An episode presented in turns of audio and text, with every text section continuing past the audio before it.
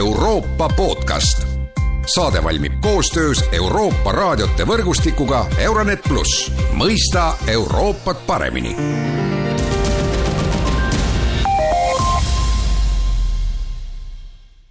tere jälle kuulama Euroopa podcasti. Ukraina saamine Euroopa Liidu kandidaatriigiks on tekitanud taas küsimuse Euroopa Liidu laienemisest ja sellest johtuvalt ka vajaduse Euroopa Liitu kuidagi reformida, et ühendus oleks töövõimeline ka siis, kui selles on üle kolmekümne liikmesriigi. teemat aitab täna kommenteerida Eesti Välispoliitika Instituudi direktor Kristi Raik, tere päevast! tere! ja mina olen Erkki Pahovski no alustame Euroopa Liidu ülemkogu eesistuja Charles Michel'i hiljutisest sõnavõtust ja seal ta ütles niimoodi, et Euroopa Liit peab olema valmis laienema aastaks kaks tuhat kolmkümmend, aga ma küsin nüüd, Kristi, sinu käest, et aga mida see siis täpselt tähendab, et kas kas selleks ajaks peab Euroopa Liit sisemiselt olema valmis uute liikmesriikide vastuvõtuks, nii et ta saaks edasi toimida, või peab olema mõni kandidaatriik valmis ühinema aastaks kaks tuhat kolmkümmend? No Charles Michel oma kõnes viitas sellele, et peaks olema valmis nii Euroopa Liit äh, sisemiselt kui ka kandidaatriigid. ja tema kõne tekitas vastakaid reaktsioone, et iseenesest ähm, on tekkinud äh, konsensus Euroopa Liidus selles osas, et äh, laienemine tuleb nüüd tõsiselt käsile võtta ja ka selles osas, et äh, enne, kui Euroopa Liit saab uusi liikmesriike vastu võtta, on vajalikud mingid sisereformid. aga näiteks see küsimus, et kas on mõistlik seada mingeid konkreetseid tähtaegu selles osas on erinevaid arvamusi ja Euroopa Komisjoni presidendi Ursula von der Leyeni reaktsioon oli päris kriitiline, mis noh, osalt võib-olla peegeldab ka seda, et üleüldse ähm, äh, Charles Micheli ja Ursula von der Leyeni suhted on pingelised. ja Michel vist ei konsulteerinud ka selle tärmini väljaütlemisel Just, äh, von der Leyeniga? jah, niimoodi von der Leyen äh, Äh, ütles ja komisjoni seisukoht on see, et äh, kindlaid tähtaegu ei tuleks äh, paika panna, kuna see laienemise hetk ikkagi sõltub sellest, millal liikmesriigid ähm, on valmis või on kõik kriteeriumid täitnud. nii et seda ei ole võimalik täpselt ette teada aga no ma ise leian, et äh, iseenesest see, et nagu mingi eesmärk pannakse konkreetselt paika, et äh, see on hea ja see peaks motiveerima siis Euroopa Liitu, eriti nende sisereformide küsimuses, ja teiselt poolt ka kandidaatriike nagu oma äh, ettevalmistustööga liikuma siis selle sihi suunas, aga noh, samas jah, kindlasti on oluline rõhutada, et kui ikkagi selleks ajaks äh, kandidaatriik äh, nõudmisi ei, ei täida, et siis äh, ei saa see laienemine ka toimuda. No negatiivne kogemus on ilmselt Bulgaaria ja Rumeeniaga, kes ju lubati kahe tuhande seitsmendaks aastaks kindla tähtaega Euroopa Liitu, aga nad ju tegelikult oma neid reforme ei ole lõpuni viinud ja, ja siiamaani maadlevad õigusriigi ja korruptsiooni probleemidega. jaa, see õppetund on just see, et tuleb väga hoolikalt analüüsida seda, kas kandidaatriik on valmis liituma. noh, lõpuks seal ikkagi tuleb mängu mingil määral ka poliitiline hinnang, et kuigi Euroopa Liidu liikmeks saamise kriteeriumid on üsna täpselt paigas ja, ja kogu see protsess, et kuidas toimuvad läbirääkimised ja kuidas Euroopa Liit hindab kandidaatriikide valmisolekut, eh, noh, seda on ju eh, mitu korda nagu läbi harjutatud ja, ja eh, ja need mehhanismid on, on olemas, aga lõpuks ikkagi see on ka mingil määral poliitiline otsus, et millal siis tuleb see hetk, kui me saame öelda, et nii Euroopa Liit kui kandidaatriigid on nagu piisavalt valmis ja piisavalt hästi kõik nõudmised täitnud. Ilmselt jah, seda hetke on keeruline tabada ja no nagu sa ütlesid, et see sõltub ka väga palju poliitilisest tahtest või ka poliitilisest kontekstist, aga aga nendest sisereformidest, no siin on räägitud äh, igasuguseid asju, kui ma üritan lugeda siin välisajakirjandust ja noh, hiljutine uudis rääkis sellest, et Belgia endine peaminister ja Euroopa Parlamendi saadik äh, Guy Verhofstadt äh, sai valmis jälle uue Euroopa Liidu äh, noh, mõned ütlevad föderatsiooni kavaga, aga noh, pehmemalt väljendudes siis näeb Verhofstadti saja kuueteistkümne leheküljeline kava ette seda, et paljud pädevused peaksid liikmesriikidelt liikuma ikkagi keskusesse rohkem tuleks kasutada enamushääletust ja liikmesriikidelt tuleks paljudelt aladelt vetoõigus ära võtta, on päevaselge, et Verhofstadti kava liikmesriigid heaks ei kiida, aga samal ajal noh, midagi tuleb ju teha, ei ole ju, ei ole ju, ei ole ju mõeldav, et üle kolmekümne liikmesriigiga Euroopa Liit hakkaks samamoodi tööle nagu praegu, praegu on Euroopa Liidus kakskümmend seitse liikmesriiki, teisest küljest saab ju jälle alati öelda, et äh, aluslepingute muutmine on väga keeruline protsess, no me teame seda, et Lissaboni lepingu muutmine võttis aega või Lissaboni lepinguni jõudmine võttis aega kaheksa aastat,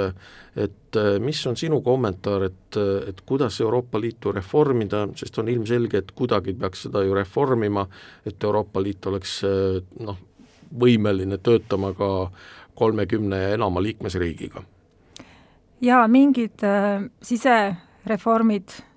on kindlasti vajalikud ja need arutelud on juba alanud ja nüüd äh, sügisel lähevad äh, veel suurema hooga edasi, nii et äh, selle üle hakatakse palju vaidlema. Ja üks põhimõtteline küsimus on siis see, et kas laienemine eeldab Euroopa Liidu aluslepingu muutmist või ei eelda. ja siin on erinevaid seisukohti, aga paljudes liikmesriikides on pigem see hoiak, et äh, ei soovita hakata lepinguid muutma just sellepärast, et see protsess oleks nii pikk ja ettearvamatu ja, ja äh, mis tahes kokkuleppe äh, saavutamine saaks olema väga raske siis tekiks ka küsimused selles osas, et äh, liikmesriikides osades peaks korraldama referendumid selleks, et seda uut lepingut heaks kiita, nii et seal on neid riske väga palju, et, et see lõpuks ei õnnestu, see protsess. Ja, ja täiesti reaalselt on olemas ka see variant, et ei hakata aluslepinguid uuendama, vaid tehakse ähm, siis ütleme, vähem, vähem mahukaid institutsionaalseid reforme, mida on võimalik äh, läbi viia nagu praeguste lepingute raames. ja üks küsimus tõesti, mille üle ähm, juba on palju vaieldud, on see, et kas ja kui palju äh, lisada äh, siis otsustamist enamushääletuse põhimõttel, ehk siis võtta ära liikmesriikidelt vetoõigus näiteks äh, välis- ja julgeolekupoliitika valdkonnas. ja siin jällegi seisukohad on liikmesriikides väga erinevad ehm, ja, ja noh, ma eeldan, et, et seal äh, liigutakse siis lõpuks mingi kompromisslahenduse suunas, et, et äh, näiteks välis- ja julgeolekupoliitika valdkonnas ähm, võiks tulla kõne alla mingite väga konkreetsete äh, küsimuste osas siis enamushääletuse rakendamine, äh, olgu need siis näiteks äh, inimõigusi puudutavad seisukohad, sanktsioonide rakendamine, sellest on ka mitu aastat tegelikult juba räägitud, et mis need võimalused on, aga samas nagu see, et täielikult liikmesriigid loobuksid oma veto õigusest välis- ja julgeolekupoliitikas seda ma tõenäoliseks ei, ei pea, et sellega ei lepita. seda ei õnnestu valijatele kuidagi maha müüa, kardetavasti? no jah, üks põhjus on see, et äh, valijad ei oleks võib-olla valmis toetama, äh, no selle üle võib ka vaielda, kuna tegelikult on avaliku arvamuse uuringuid, mis näitavad, et Euroopa Liidu kodanikud nagu pigem suhtuvad positiivselt ühise välis- ja julgeolekupoliitika tugevdamisse, eks küsimus on ka selles, kuidas seda neile serveeritakse, aga noh, liikmesriikides poliitikud, otsustajad, näiteks meie regioonis, Balti riikides, Poolas, ka nüüd Ukraina täiemahulise sõjakogemuse valguses on võib-olla veel rohkem kui enne sõda sellel arvamusel, et julgeoleku küsimustes me ei saa oma vetoõigusest loobuda, kuna me oleme näinud, kui suuri vigu on teinud suured liikmesriigid, näiteks oma Venemaa poliitikas ja millised olid sellised esialgsed äh, reaktsioonid, ähm, kui sõda algas, äh, millised olid hoiakud äh, Lääne-Euroopas, need on veelgi lisanud seda ettevaatlikkust ja soovi oma vetoõigusest kinni hoida. aga jah, siin on, ma usun, võimalik liikuda mingite kompromisside suunas, et mingil määral siis ikkagi seda enamushääletuse põhimõtet rohkem rakendada tulevikus, aga siis ka panna paika need piirid, et mis on nagu liikmesriikide jaoks äh, nii tundlikud küsimused, et äh, seal nad soovivad vetoõiguse säilitada Ukraina sai Euroopa Liidult äh, kandidaatriigi staatuse. Ja noh, praegu muidugi on vara rääkida sellest, et Ukrainast äh, saab Euroopa Liidu liige,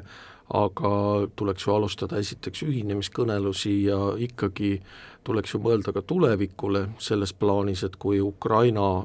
saaks kunagi Euroopa Liidu liikmeks, siis äh, praeguse kava või praeguse süsteemi järgi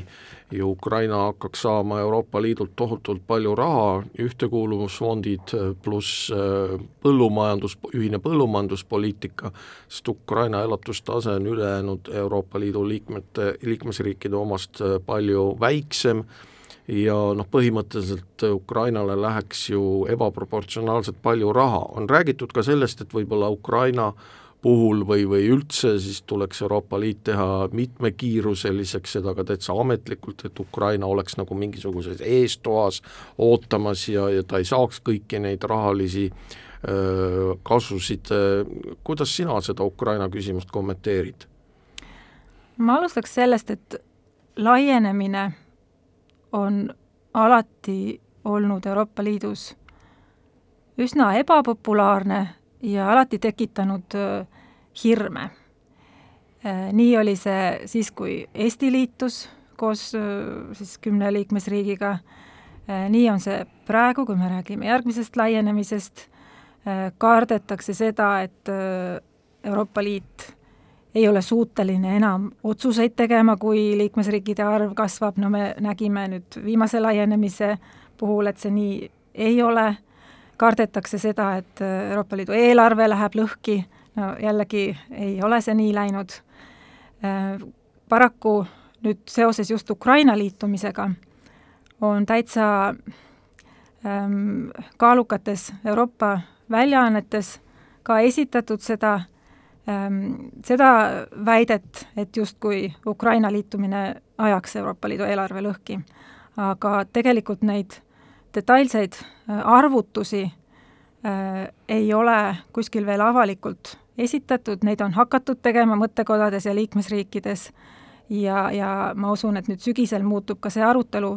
konkreetsemaks, äh, ma olen ise nende arvutustega tutvunud ja Kaitseuuringute Keskus varsti avaldab selleteemalise analüüsi.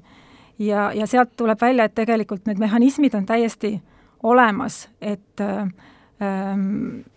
Ukraina äh, toetused ei saaks äh, paisuda nii suureks, et äh, Euroopa Liit ei ole nagu võimeline nendega hakkama saama. Äh, juba praegu tõesti on olemas vahendid selleks, et paika panna